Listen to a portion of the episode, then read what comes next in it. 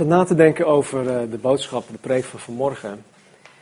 En ik wilde jullie ja, niet, niet waarschuwen, maar wel erop attenderen dat, um, dat ik vanmorgen de, de lat nogal hoog leg. En dat is omdat ik vind dat dit een, een, een ideaal is dat God ons geeft in zijn Bijbel. De Bijbel is altijd een ideaal waar we naar moeten streven. En ik wil tegelijkertijd ook zeggen dat alles wat ik vanmorgen bespreek, wat ik, wat ik met jullie deel, dat wij dit niet in volkomenheid doen. Het is wel het streven, maar um, we zijn mensen, we falen daarin. En um, ja, dus het is geen disclaimer, maar wel even, houd het wel even in je achterhoofd. Nou, we zijn drie weken geleden gestart met de vierdelige preekserie die ik genoemd heb koers houden. Hoe doen we dat? En deze serie is ontstaan vanuit de vraag, of een aantal vragen. Wie zijn wij als Calvary Chapel? En wat draagt God ons op? Wat zijn de marsorders van onze opperbevelhebber Jezus Christus? En hoe kunnen wij ervoor zorgen dat wij ons strikt aan deze marsorders houden? Oftewel, hoe kunnen wij koers blijven houden? Nou, voor mij, zoals ik vorige week ook al zei, is, is het vrij eenvoudig om de antwoorden op deze vragen te vinden, want ze staan allemaal in Gods Woord. Ze staan allemaal in de Bijbel.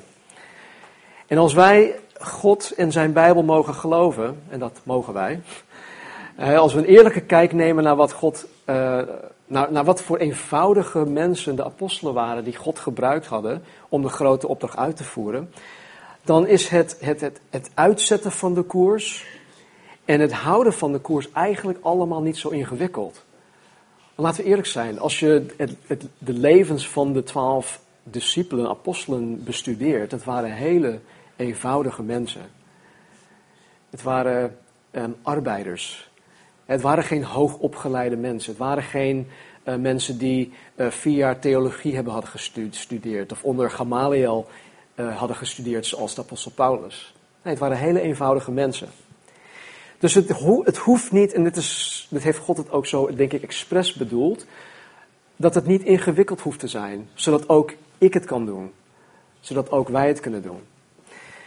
Nou, wat minder eenvoudig is, is om dit in de praktijk gezamenlijk uit te voeren. Want velen van ons zijn naar de Calvary Chapel toegekomen met kerkelijke bagage. En die bagage zorgt ervoor dat wij niet allemaal dezelfde kijk hebben op hoe wij gezamenlijk handen en voeten horen te geven in het vervullen van de grote opdracht. Niks mis mee met een andere kijk op dingen, maar het is wel de bedoeling dat wij vanuit Gods woord um, leren wat Gods kijk daarop is. Elk persoon die een kerkelijk achtergrond heeft, komt naar de Calvary Chapel toe met bepaalde vooroordelen. Die komt naar de Calvary Chapel toe met bepaalde um, verwachtingen en voorkeuren. Als je bijvoorbeeld jarenlang in een bepaald kerkelijke cultuur hebt gezeten, dan ben je daar aan gewend geraakt. Je bent gewend aan hoe de zondagsdienst wordt ingevuld. Je bent gewend geraakt aan de liederen die gezongen worden, de volgorde van de dienst, eh, de, de duur van de dienst, de inhoud van de preken, eh, de stem van de voorganger, hoe benaderbaar of hoe afstandelijk de voorganger is, wat er na de dienst gebeurt, enzovoort, enzovoort. Eh, je bent gewend aan de grootte van de kerk. Je bent gewend aan hoe persoonlijk of hoe onpersoonlijk de mensen in de kerk zijn. Misschien gaat het zelfs zo ver dat je aan de koffie gewend bent geraakt en dat het hier anders is. Eh, je bent gewend aan de visie en de missie, de missie van de kerk en hoe men daar invulling aan geeft. Ook je gewend geraakt aan de kerkelijke structuur. Wie de leiding hebben en op welke manier zij de leiding uitoefenen. Kortom, al onze kerkelijke ervaringen, je kerkelijke opvoeding, heeft jou en jouw verwachtingen gevormd.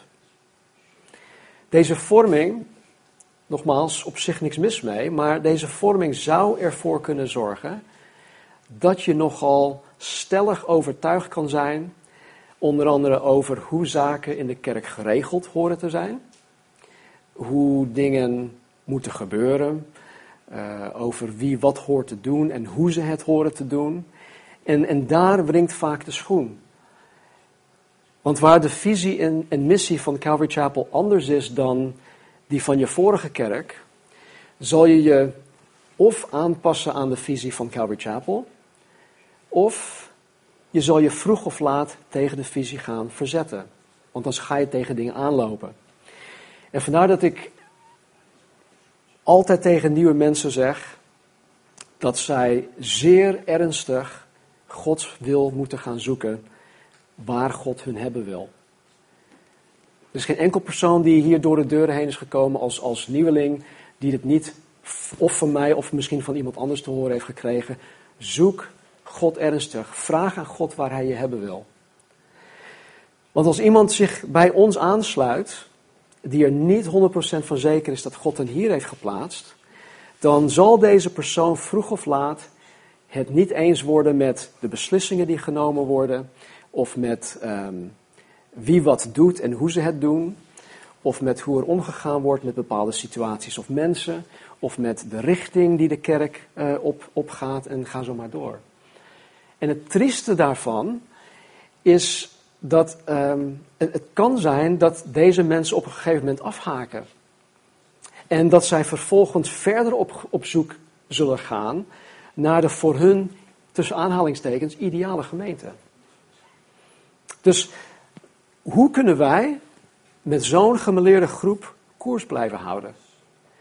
Nou, ten eerste wat we in de eerste sessie hebben geleerd, kunnen wij koers houden of de koer, um, uh, koers houden door eerst de koers uit te zetten. Tegelijkertijd door onze ogen gericht te blijven houden op Jezus Christus, de leidsman en voleinder van het geloof die de koers uitzet.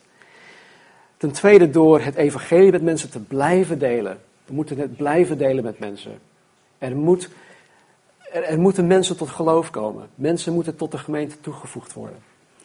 Ten derde door te volharden in de leer van de apostelen, de gemeenschap, het breken van het brood en de gebeden. En ook door te erkennen dat God verschillende mensen in de gemeente verschillende taken en rollen heeft gegeven. En dat de primaire taak van de voorganger, van de kerkleider, is het hoeden en voeden van de kudde. De gemeenteleden. Nou, vorige week zijn we halverwege bij dit vierde punt gestopt, dus vanmorgen pakken wij het hier op. Als kanttekening, ehm, wat wij daarnaast ook nog kunnen doen, of wat eigenlijk noodzakelijk is om gaandeweg koers te kunnen blijven houden, is door hervormd te worden door het vernieuwen van je denken. Door hervormd te worden door, door het vernieuwen van je denken. De apostel Paulus die, die slaat de spijker echt op de kop. Hij zegt in Romeinen 12, vers 1 en 2 dit. Ik roep u er dan toe op, broeders, door de ontfermingen van God, om uw lichamen aan God te wijden als een levend offer heilig en voor God welbehagelijk. Dat is uw redelijke godsdienst. En wordt niet aan deze wereld gelijkvormig, maar wordt innerlijk veranderd door de vernieuwing van uw gezindheid, om te kunnen onderscheiden wat, wat de goede, welbehagelijke en volmaakte wil van God is. Dus wil je Gods goede, welbehagelijke en volmaakte wil kunnen onderscheiden? Ik denk dat, dat, dat wij dat allemaal wel willen. Hoe vaak zeggen we niet tegen elkaar: Oh, wat is Gods wil nou? Wat wil God nou voor mij? Nou, als je die vraag hebt, wil je precies weten, in, de context van dit verhaal, wil je precies weten of God je hier geplaatst heeft? Wil je precies weten wat God persoonlijk van jou verwacht in het houden van koers? Of wil je precies weten waar God, waartoe God jou persoonlijk roept om hier in deze gemeente te dienen? Zo ja, dan, dan zegt de Bijbel dat je innerlijk veranderd moet gaan worden. Door de vernieuwing van je gezindheid, door het vernieuwen van je denken. En hoe je dit in de context van het gezamenlijk koers houden, uh, hoe je dit kan toepassen, is door al je verwachtingen, door al je vooroordelen, door al je voorkeuren te onderwerpen aan het woord van God. Het is niet makkelijk. Heel vaak gaat het om voorkeuren. En ik weet, ik, ik, ja, ik bewaak mijn eigen voorkeuren. Vraag maar aan Marnie. Ik heb heel veel voorkeuren thuis. Ik heb een vaste plaats aan tafel. Vraag maar Casper, niemand mag daar zitten. Weet je, maar voorkeuren zijn best wel dingen die, waar we echt stellig over kunnen zijn. Dus onderwerp je vooroordelen, je voorkeuren, je verwachtingen aan het woord van God. Dat is één. In de praktijk betekent dit dat je je moet beijveren, zoals Paulus zegt aan Timotheus, om jezelf wel beproefd voor God te stellen. Een arbeider die zich niet hoeft te schamen, die het woord van de waarheid recht snijdt. Dat is een 1, nee, 2 Timotheus 2,15. De, man, de manier, geloof ik, de manier waarop God jou en mijn gezindheid vernieuwt, is door middel van het proces waarin de Heilige Geest ons ervan overtuigt dat het woord van God dat tot ons komt de waarheid is en wij er vervolgens bewust voor kiezen om dat woord te aanvaarden en dat woord te gaan gehoorzamen. Dus mijn gebed voor vanmorgen is dat de Heilige Geest ons het woord van God zal openbaren en dat een ieder van jullie het geopenbaarde woord zal aanvaarden en gehoorzamen. Nou, drie weken geleden, en dit hebben we volgens mij ook elke zondag daarna behandeld. Drie weken geleden waren wij begonnen met de grote opdracht. De grote opdracht van Jezus, Matthäus 28 en dan 18 tot 20. En daar staat, mij is gegeven alle macht in hemel en op aarde. Ga dan heen, onderwijs al de volken, hen dopend in de naam van de Vader en van de Zoon en van de Heilige Geest, hun lerend alles wat ik u geboden heb in acht te nemen. En zie, ik ben met u al de dagen tot de voleinding van de wereld. Amen. Hiermee zette Jezus de koers uit. Hij zegt, daar gaan we naartoe. Het is een hele smalle weg, maar daar gaan we naartoe. Vervolgens zagen wij in Handelingen 2 hoe de twaalf apostelen en de overige 3108 discipelen van Jezus de grote opdracht vervulden. Ze bleven volharden in dingen. In het vervullen van de grote opdracht, in het koers houden, zagen wij ook in handelingen eh, gaandeweg dat God verschillende mensen in de gemeente verschillende taken en rollen had gegeven. Dit zie je trouwens heel, heel duidelijk naar voren komen in, um, in Romeinen hoofdstuk 12 en in 1 Korinthe 12 en 14, waar Paulus spreekt over de verschillende gaven die God ons heeft gegeven. Ook zagen wij dat God de voorgangers, de kerkleiders, een specifieke taak heeft gegeven. Dat van het hoeden en voeden van de, kudde, van de kerk. De apostel Paulus geeft heel duidelijk aan waartoe dit hoeden en voeden hoort te leiden. Oftewel, wat het specifiek doel is van het hoeden en voeden van de kudde, van de kerk. En dat geeft hij aan in Efeze hoofdstuk 4, 11 tot en met 16. Ik ga alleen 11 en 12 lezen. Hij, dus Jezus, zegt Paulus, heeft gaven uitgedeeld. Sommige maakte hij apostel, andere profeet, andere evangelist, weer anderen herder en leraar, om de heilige toe te rusten voor het werk van, de bediening, tot opbouw van het lichaam van Christus. En de rest is eigenlijk de definitie van het, uh, de, op, het, uh, de opbouw van het lichaam. Als we dit stukje pakken tot en met 16 zouden we hier urenlang mee bezig kunnen zijn. Er staat zoveel in. Dit is echt zo'n typische uh, Paul, Paulus zin uh, waar een hoop commas tussen staan. Dus we zouden echt, echt heel lang mee bezig zijn. Maar omwille van het onderwerp van vandaag wil ik alleen het laatste stukje van vers 11 en dan vers 12 in zijn geheel benadrukken. Hij, Jezus, in vers 11 heeft gaven uitgedeeld. Sommigen maakte hij apostel, andere profeet, andere evangelist, weer anderen herder en leraar. Nou, alhoewel Paulus hier vijf verschillende benamingen noemt, gaat het hier uiteindelijk om vier ambten. Apostel, profeet, evangelist en als laatste herder, leraar. In de grondtekst is het woord en tussen herder en leraar een verbindingswoord. Um, als het goed is, hebben jullie de uitleg hierover via de e-mail ontvangen. Dus daar ga ik niet verder op in. Maar waar het uiteindelijk op neerkomt, is dat herder en leraar bij elkaar horen. dat ze één ambt omvat. Nu dit. Het Grieks woord voor herder dat Paulus hier gebruikt, wordt voor het eerst door Jezus zelf gebruikt. Jezus gebruikt het voor, zich, uh, voor zichzelf, maar hij is ook de eerste in het Nieuw Testament die dit woord gebruikt. En er is een regel, jullie hebben het me vaker horen, horen zeggen, de regel van de eerste vermelding. Dat betekent dat als je uh, een woord of een definitie van een woord wil, wil weten, te weten te komen, dan ga je naar de eerste keer dat dat woord vermeld wordt. En daaruit kan je zien, vanuit de context, maar ook vanuit de definitie van het woord zelf, wat dat woord eigenlijk betekent. Nou goed, Jezus gebruikt het hier. En hij gebruikt het in Matthäus hoofdstuk 9, vers 36. Dit is vanuit de Willibrord vertaling. Hij zegt, er staat, bij het zien van de mensenmenigte werd Jezus diep bewogen door hen, omdat ze geplaagd en gebroken waren als schapen zonder herder. Het Centrum voor Bijbelonderzoek zegt dit hierover.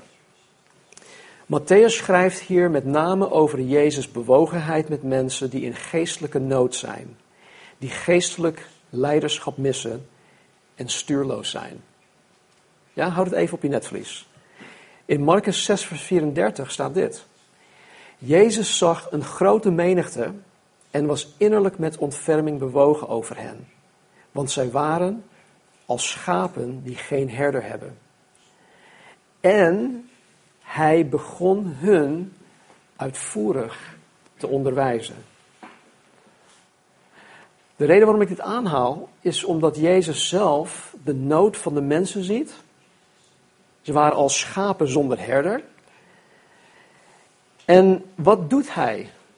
Jezus noemt zichzelf de goede herder. Hij is in de Bijbel, wordt in de Bijbel ook genoemd de opperherder. En wat doet de, de opperherder, de goede herder op dit moment? Hij begon hun uitvoerig te onderwijzen. Het is zo belangrijk. Het is zo belangrijk om dit goed tot je door te laten dringen. Jezus, de goede herder, ziet dat zijn kudde in geestelijke nood verkeert. En zijn remedie voor de geestelijke nood is wat? Onderwijs. De remedie voor de geestelijke nood is onderwijs. Jezus begon hun veel te leren, staat hier letterlijk. Het is dus logisch, denk ik, dat de herder-leraar in Efeze 4, 11 één ambt vervult. Want Jezus is niet alleen de goede herder, Jezus wordt ook in de evangeliën meester, oftewel leraar genoemd. Dus hij is herder en leraar. In de grondtekst is het zelfstandig naamwoord voor herder poimeen. En dit wordt in de Bijbel in de figuurlijke zin gebruikt voor iemand die de leiding geeft aan de kerk. Bijvoorbeeld de voorganger. In de grondtekst is het werkwoord voor herder poimaino. En dit vinden wij terug in 1 Petrus 5, wat we vorige week ook hebben aangehaald. In 1 Petrus 5, vers 1 en 2, dit is uit de Groot Nieuwsbijbel, staat dit. Nu de bestuurders onder u, als uw ambtgenoot, als ooggetuige van het lijden van Christus en deelgenoot van de glorie die geopenbaard zal worden, vraag ik u, of draag ik u op, hoed de kudde die God u heeft toevertrouwd. Zoals hij het graag ziet, niet gedwongen, maar vrijwillig, niet uit winstbejag, maar belangeloos. Dit werkwoord hoed geeft de herderlijke taak van de kerkleiders aan. Dat zegt het Centrum voor Bijbelonderzoek. Ze zeggen, zij behoren de kudde Gods die bij hen is, dat wil zeggen waarover zij gesteld zijn, te verzorgen door haar te beschermen, te voeden en te wijden. Nou, vorige week hebben we ook de twee woorden gedefinieerd, het hoeden en het wijden, of het voeden en het, en het hoeden en voeden. Dezelfde opdracht die Petrus dus aan de kerkleiders geeft hier in 1 Petrus 5, kreeg hij eens zelf aan het meer van Tiberius. Dat hadden we vorige, week ook gezien in Johannes hoofdstuk 21. Johannes 21, 16 zegt, Jezus spreekt hier, hoed mijn schapen. Dus vers 11, hij Jezus heeft gaven uitgedeeld. Sommige maakte hij apostel, andere profeet, andere evangelist, weer andere herder en leraar. En het Centrum voor Bijbelonderzoek nogmaals zegt dit hierover. Herders en leraars worden hier in één adem genoemd. Kennelijk gaat het daarbij om nauw verwante bedieningen, zelfs om herders die ook leraars waren. Hun opdracht is de gemeente te leiden en haar te onderwijzen in de juiste leer en levenswandel. Einde citaat. Even een vraag. Tijdens zijn bediening op aarde, uit alle dingen die Jezus de goede herder voor mensen deed, welk ene ding deed Jezus het meest? Laten we gaan kijken. Ja. In Marcus 1, ik, ga je nu een, aantal uh, Bijbelversen uh, opnoemen. Je hoeft ze niet op te zoeken, ga er vrij snel doorheen.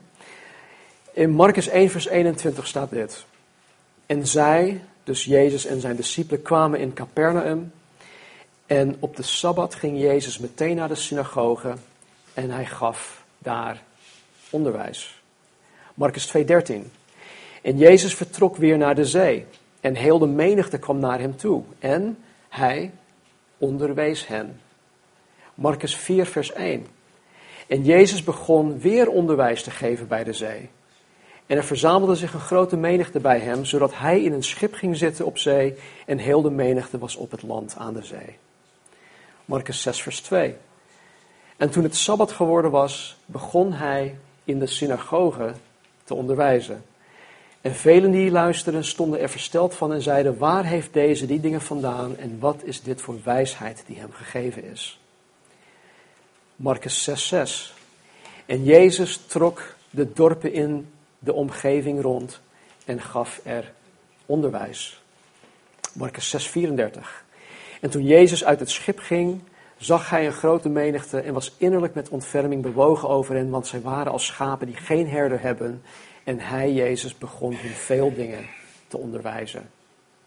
Als laatste deze, Marcus 10, vers 1. Er zijn nog meer hoor, maar als laatste voor vanmorgen. Marcus 10, 1. En toen Jezus opgestaan was, ging hij vandaar naar het gebied van Judea, door het overjordaanse.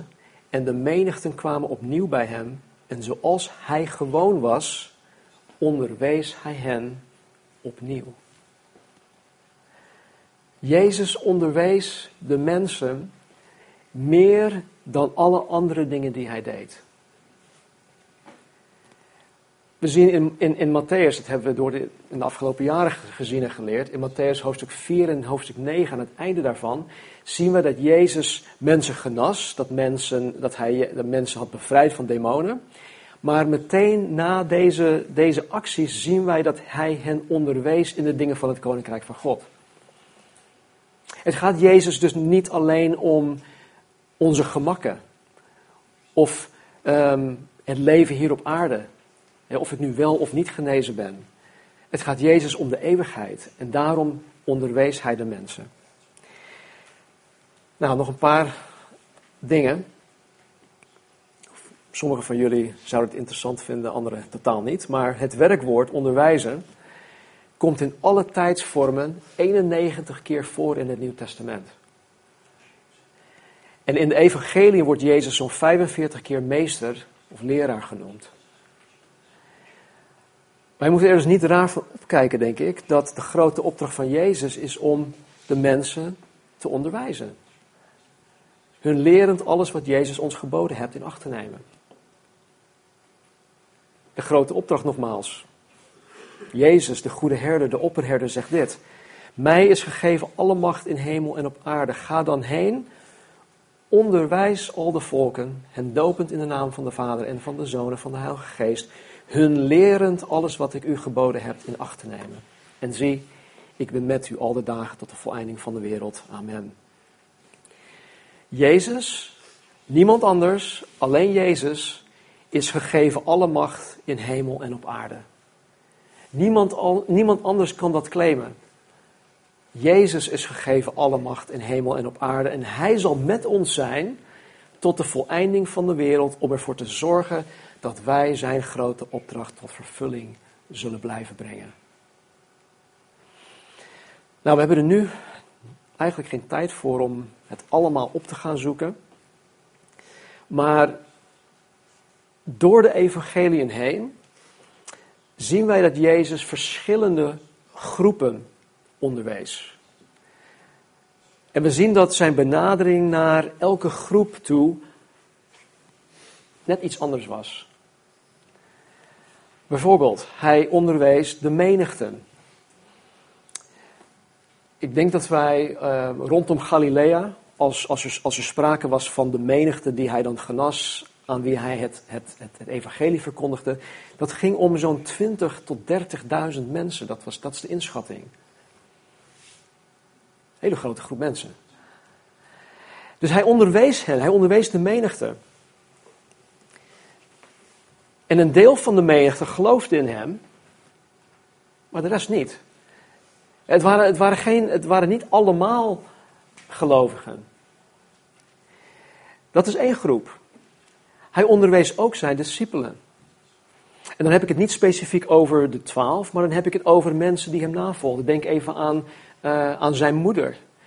Denk aan um, Martha en, en Maria en, en um, Lazarus. Denk aan andere mensen. De andere Maria, de moeder van Johannes en Jacobus. Er waren meerdere discipelen die Jezus navolgden. Dus niet alleen de twaalf. En hij onderwees deze discipelen. En dit waren zeker honderden, wellicht duizenden mensen. Die Jezus tot op, een, die Jezus tot op een bepaald punt navolgden. We zien in Handelingen 1 dat er 120 in die bovenkamer waren. Dus dat is denk ik een, een soort overblijfsel van wat er, wat, er was, wat er was. Maar op een gegeven op, op een bepaald punt, waren er, zoals ik zei, honderden, misschien wel duizenden mensen die Jezus navolgden. Die, dus echt, die zich echt als discipel achten. Maar er gebeurde iets. In Johannes hoofdstuk 6, nadat Jezus uh, de 5000 mannen plus vrouwen en kinderen had gevoed met vijf broden en twee vissen zien we dat Jezus het meer oversteekt. En de volgende ochtend volgt de menigte hem naar de overkant toe. En dan heeft hij een, uh, raakt hij met hun in gesprek. En dan zegt hij, joh, jullie komen niet omdat je woorden van eeuwig leven wil horen. Nee, jullie komen omdat jullie je maag hebben gevuld. Met andere woorden, zij, zij, zij zochten eigenlijk de dingen van Jezus om hun het leven gemakkelijk te gaan maken. Maar om die schifting te maken, om het kaf van het koren te, te, te, verwijderen, begon Jezus ineens hele moeilijke, hele lastige dingen te zeggen. Hij noemde zichzelf het brood des levens. Wie mij eet, die zal het eeuwig leven hebben. En dan zegt hij, tenzij iemand mijn, mijn lichaam eet en mijn bloed drinkt, heb je geen deel aan mij. En toen dachten mensen van, oh jee, wat is dit nou? En dan staat er gewoon dat mensen dit niet snapten en mensen afhaakten. En in Johannes 6, vers 66 staat dit. Van toen af trokken vele van zijn discipelen zich terug en gingen niet meer met hem mee. Het was een grote afval.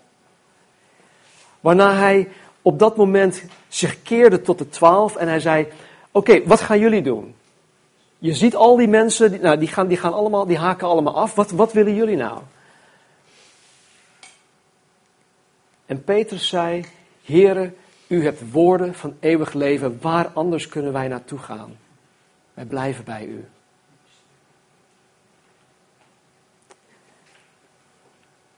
Dus Jezus onderwees de menigte, hij onderwees deze groep van discipelen.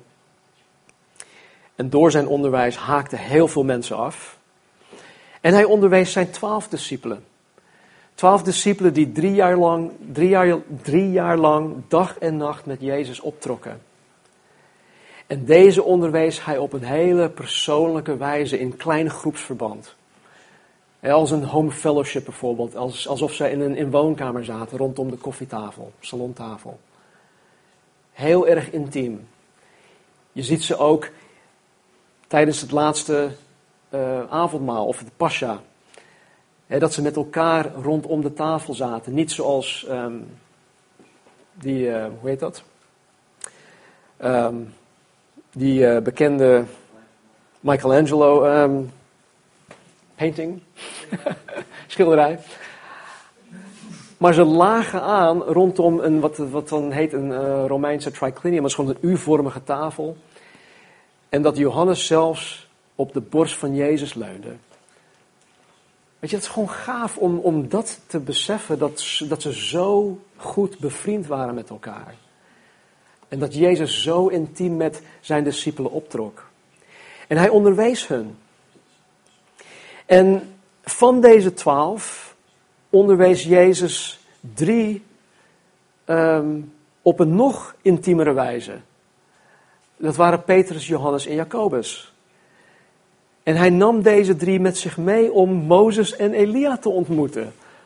Wat een voorrecht. Dat, dat Petrus, Johannes en Jacobus hebben gekregen. Gingen met hem mee. Zij kregen Jezus te zien in zijn verheerlijkte staat. En plotseling uh, kwamen Mozes en Elia tevoorschijn. En Petrus die zegt natuurlijk iets heel iets, iets doms, maar goed. Zij kregen dit wel te zien, ze kregen het wel mee te maken.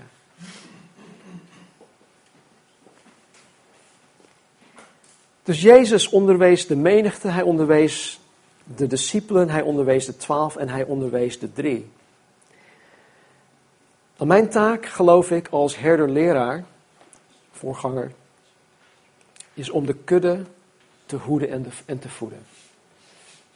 Om de heiligen, en dat zijn jullie, toe te rusten tot dienstbetoon. Om jullie te bekwamen, om jullie in staat te stellen voor het werk van de bediening. En ja, ik zei het werk van de bediening, het is werk. Ook hoor ik, net zoals jullie natuurlijk, het evangelie met de buitenwereld te delen. Jezus heeft ons het model van discipelschap gegeven. Hij predikt het evangelie aan de scharen. Hij gaat iets meer gericht bezig met zijn discipelen. Gaat nog meer gericht bezig met zijn twaalf en dan heel erg gericht met de drie. En hij heeft ons het voorgedaan. Hij heeft ons laten zien hoe wij de grote opdracht horen te vervullen. Mag ik uh, die slides zien, uh, meneer Slideman?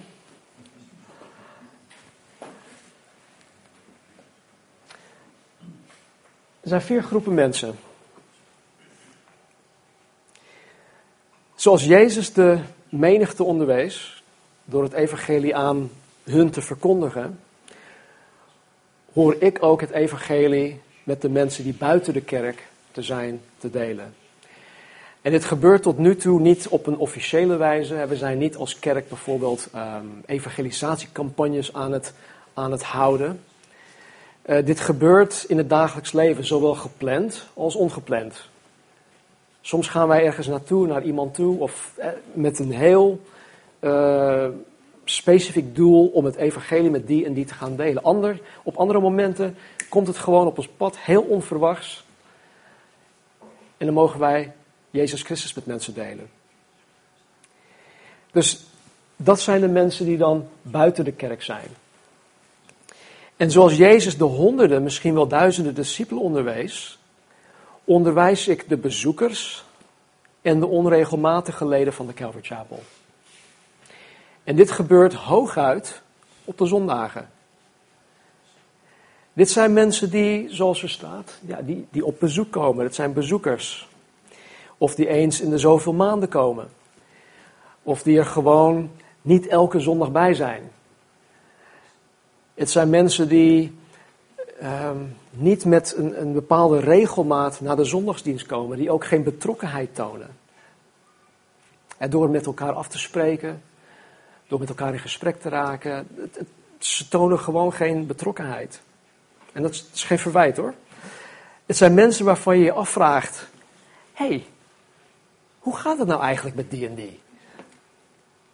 Dat zijn de bezoekers of de onregelmatige mensen.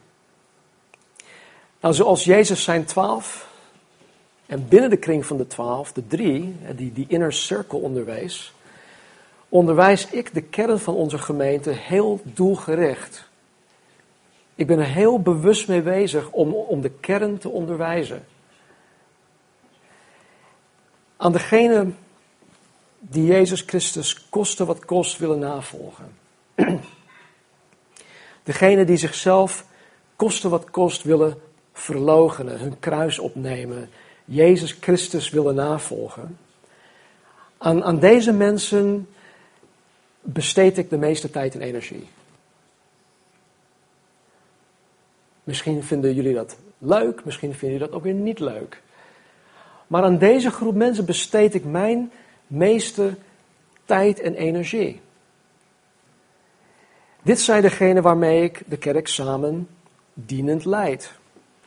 Dit zijn degenen die als dienende leiders in Calvary Chapel ook aangesteld zullen gaan worden. En dan is het niet een exclusief clubje waarvan ik zeg van, oh, dit zijn mijn lievelingetjes. dus nee, het zijn gewoon mensen die aantonen van, hé, hey, ik ben er voor de Heer.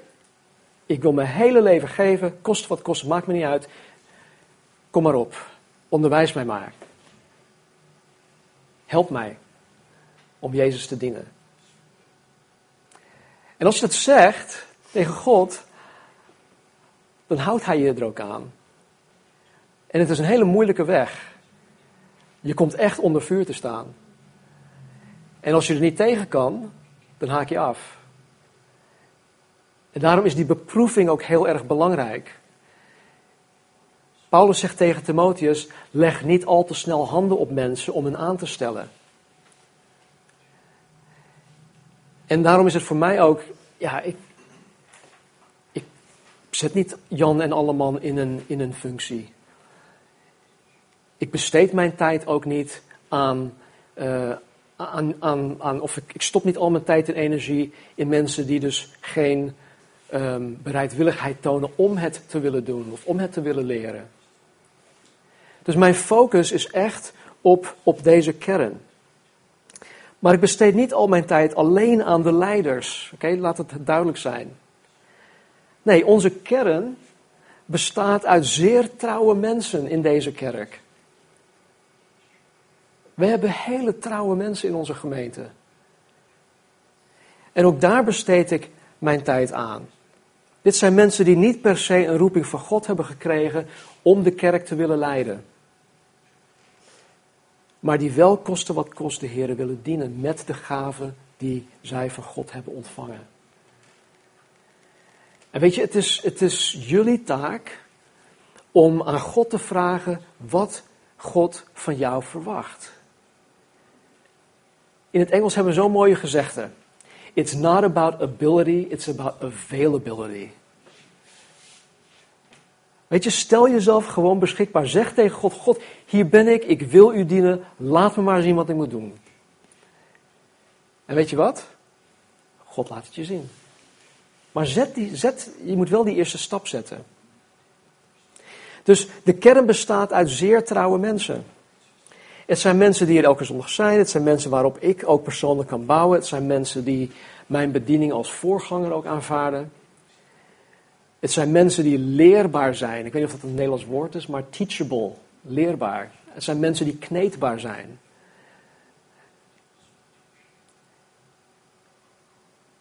Het zijn mensen die mijn onderwijs aanvaarden en daarmee aan de slag gaan. Het zijn mensen die aan het leren zijn om hun ogen op Jezus Christus gericht te houden. Het zijn mensen die aan het leren zijn om te volharden in de leer van de apostelen, in de gemeenschap, in het breken van het brood, in de gebeden. Aan deze mensen besteed, ik ook mijn tijd en energie om hun toe te rusten voor het werk van de bediening. Heel belangrijk, begrijp me niet verkeerd. Het is niet zo dat ik niet geef om de bezoeker. Ja, laat dat duidelijk zijn. Het is niet zo dat ik niet geef om degene die onregelmatig komt. Ik heb nog nooit geweigerd om iemand in deze kudde of om met iemand in deze kudde af te spreken. Sterker nog, ik probeer juist afspraken met mensen te krijgen. Met de bezoekers, met de mensen die onregelmatig komen. Ik geef dit alleen maar aan waar ik me strategisch mee bezig hoor te houden. Dit is mijn focus, dit is mijn core business, mijn, mijn kerntaak. En natuurlijk komen er veel andere dingen die daarbij horen. Het onderwijzen van de, de, de kern. Dat bestaat uit dagelijkse dingen.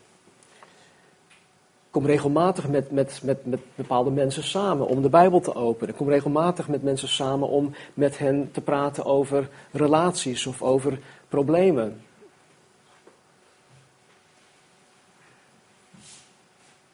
Vaak zien we dat Jezus zijn twaalf discipelen bij zich riep. Hij riep, zegt, kom naar me toe. En vervolgens ging Jezus hun onderwijzen. Maar in vele gevallen was het niet een, een soort, tussen aanhalingstekens, onderonsje. Nee, in vele gevallen waren de overige discipelen, die, die menigte, discipelen, en ook de, de menigte daarbuiten, die waren er gewoon bij.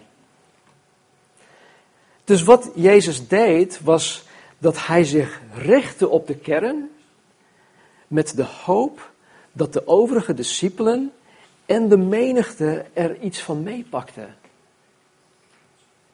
Dat is ook mijn strategie, strategie wanneer ik eh, bijvoorbeeld een huwelijk inzegen.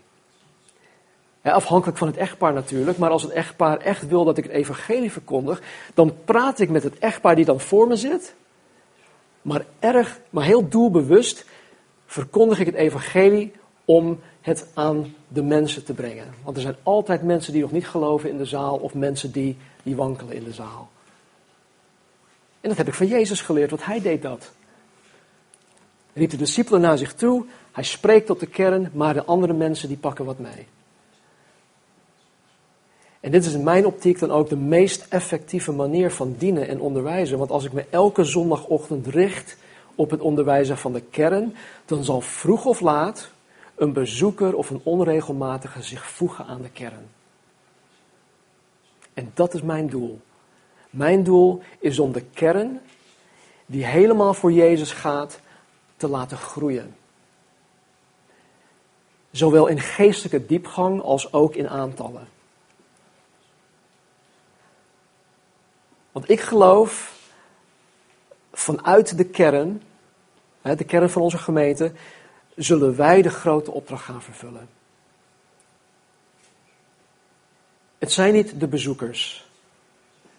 Het zijn niet degenen die zich niet betrokken voelen. Het zijn niet degenen die zich ook niet betrekken bij het werk. Nee, ik geloof echt dat vanuit de kern zullen wij de grote opdracht gaan vervullen. Vanuit de kern zullen wij als gemeente ook koers blijven houden. Wij houden ook, of we leggen ook rekenschap bij elkaar af. Als de, de, de mensen die, die mij goed kennen, de mensen om me heen, als zij merken dat, dat ik iets of fout doe of iets niet, niet, niet, niet uh, ik een, een, blinde vlek heb of zoiets, dan, dan, dan, dan roepen mensen mij op het matje. En dat waardeer ik. Wij moeten rekenschap afleggen bij elkaar. Om koers te kunnen houden. En de kern, vind ik, die heeft daar recht op. Ik accepteer kritiek honderdmaal eerder, duizendmaal eerder van iemand die zelf ook Jezus Christus koste wat kost navolgt. Ik accepteer het eerder van zo'n persoon dan van een bezoeker of iemand die buiten de gemeente is, die alleen maar wat te zeggen heeft over mij. In het Engels hebben wij een, gezegde: consider the source. dus denk wie dat zegt. Denk, denk goed na over wie deze kritiek geeft. Is het iemand die meebouwt? Is het iemand die mijn um, best wil voor ogen heeft? Dan accepteer ik alle kritiek die, die, die naar me toe komt. Waar ik rekenschap moet afleggen. Is het iemand die, die geen vrucht draagt? Laat ik even zo stellen. Die geen geestelijk vrucht draagt. Waarin ik Jezus Christus niet in hun leven zie. Waar er geen teken van leven van Jezus Christus is. Dan breng ik die kritiek wel naar God toe. Maar dan is het ook vaak heel snel over. Dus wij houden elkaar verantwoordelijk. Jezus heeft door middel van zijn kern de twaalf, de twaalf, Door middel van deze twaalf heeft Jezus Christus de wereldgeschiedenis voor altijd veranderd. Door twaalf hele eenvoudige mensen heeft Jezus de wereldgeschiedenis veranderd. Waardoor het evangelie 2000 jaar later tot een ieder van ons is gekomen.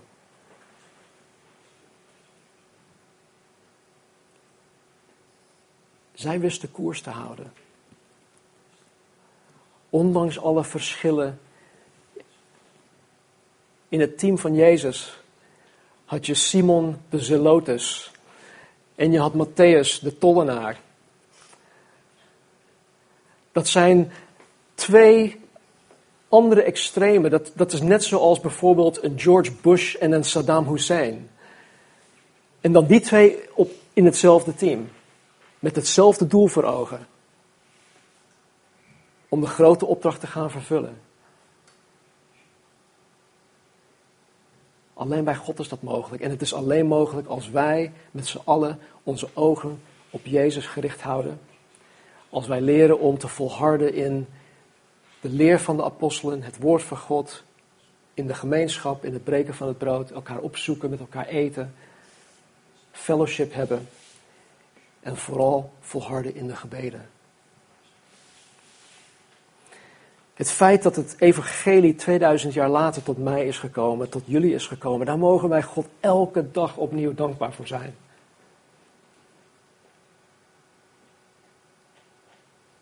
Ik heb nu een geweldige plek in, in Amsterdam, in, het westelijk havengebied. Het is een ruimte van 7 bij 14. Ik heb één bureau erin staan en een stoeltje. Maar weet je, ik, ik, ik, vrijdag en zaterdag, ik heb daar de hele dag gezeten en ik mocht daar met God praten. En ik was God gewoon zo dankbaar dat Hij mij gered had. Weer opnieuw te zien van, Heere, U hebt mij uit de, de, de ellende gered. Ik, ik, ik zou echt niet weten waar ik zou zijn als God mij niet had gered. En, en daar ben ik nog steeds, 25 jaar later, elke dag dankbaar voor. En daar mogen wij ook dankbaar voor zijn. Dit is een betrouwbaar woord. En alle aanneming waard. Dat Christus Jezus in de wereld gekomen is om zondaars zalig te maken. Wij zijn allemaal zondaars. Vanaf onze geboorte al. En we hebben redding nodig. En Jezus, door middel van zijn Search and Rescue Mission, is gekomen om te zoeken en zalig te maken wat verloren is. En wij waren allemaal verloren. Ik dank God dat Hij mij gezocht heeft. En dat Hij mij gered heeft. Hij heeft niet alleen mij gered, hij heeft ons huwelijk gered. Weet je, ik kan urenlang doorgaan over alle dingen die God in mijn leven gedaan heeft, voor mij gedaan heeft. Maar de bottom line is, uiteindelijk gaat het om het feit dat ik voor eeuwig met hem zal zijn in zijn koninkrijk, zoals hij het wil.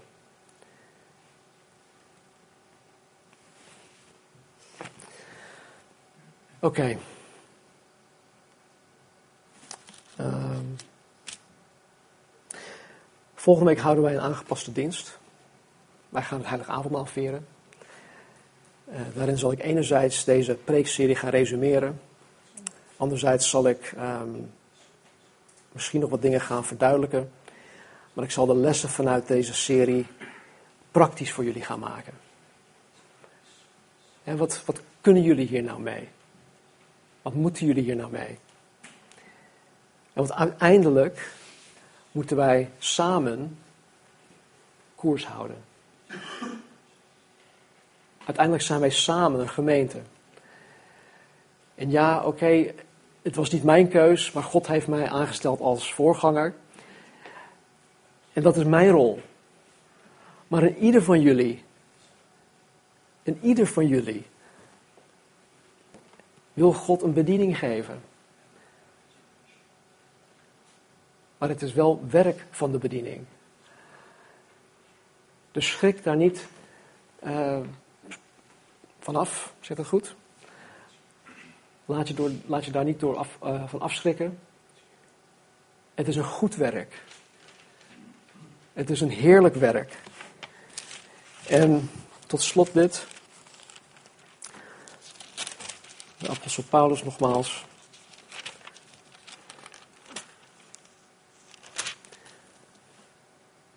Zegt dit.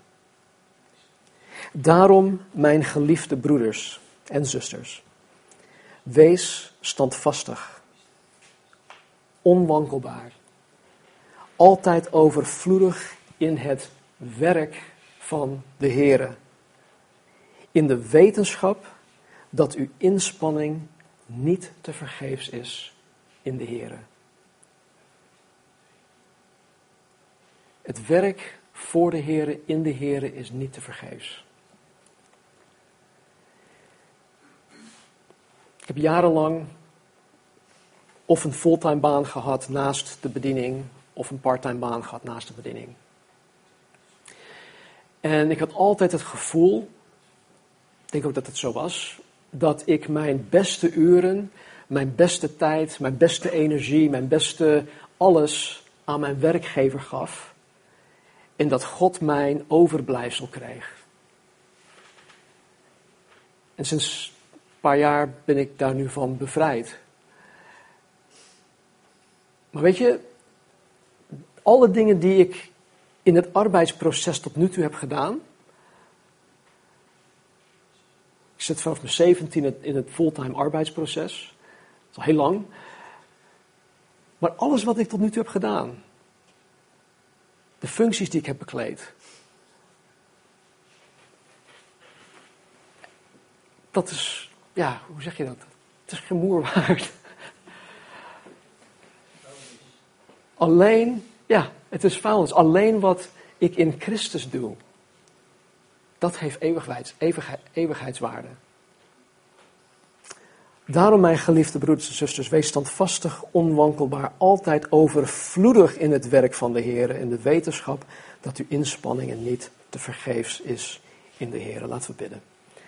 Hemelse Vader, dank u wel dat wij vanuit uw woord hebben mogen lezen.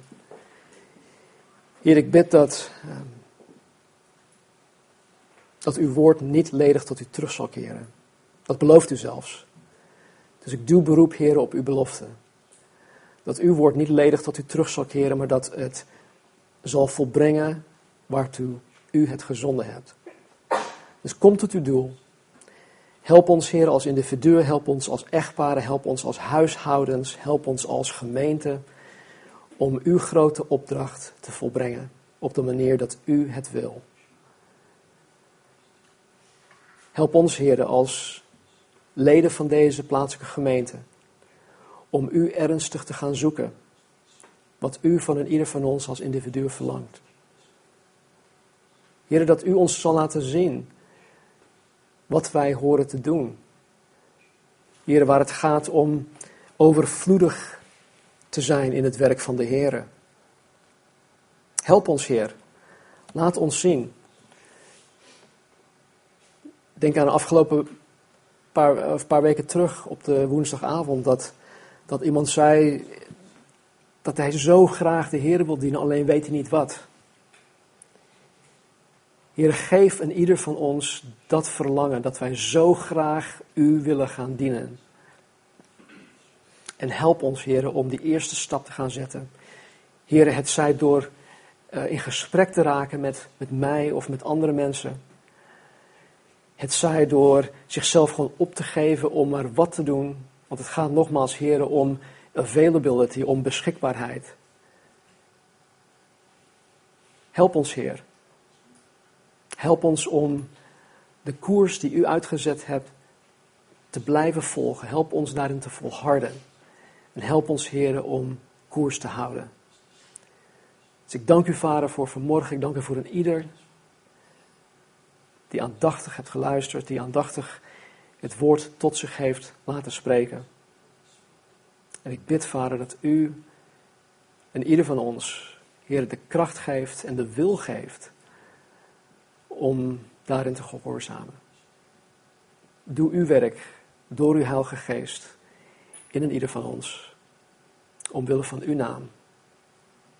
De naam boven alle namen. Jezus Christus. Amen. Amen.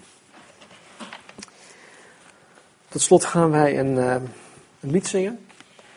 Dus laten we erbij gaan staan.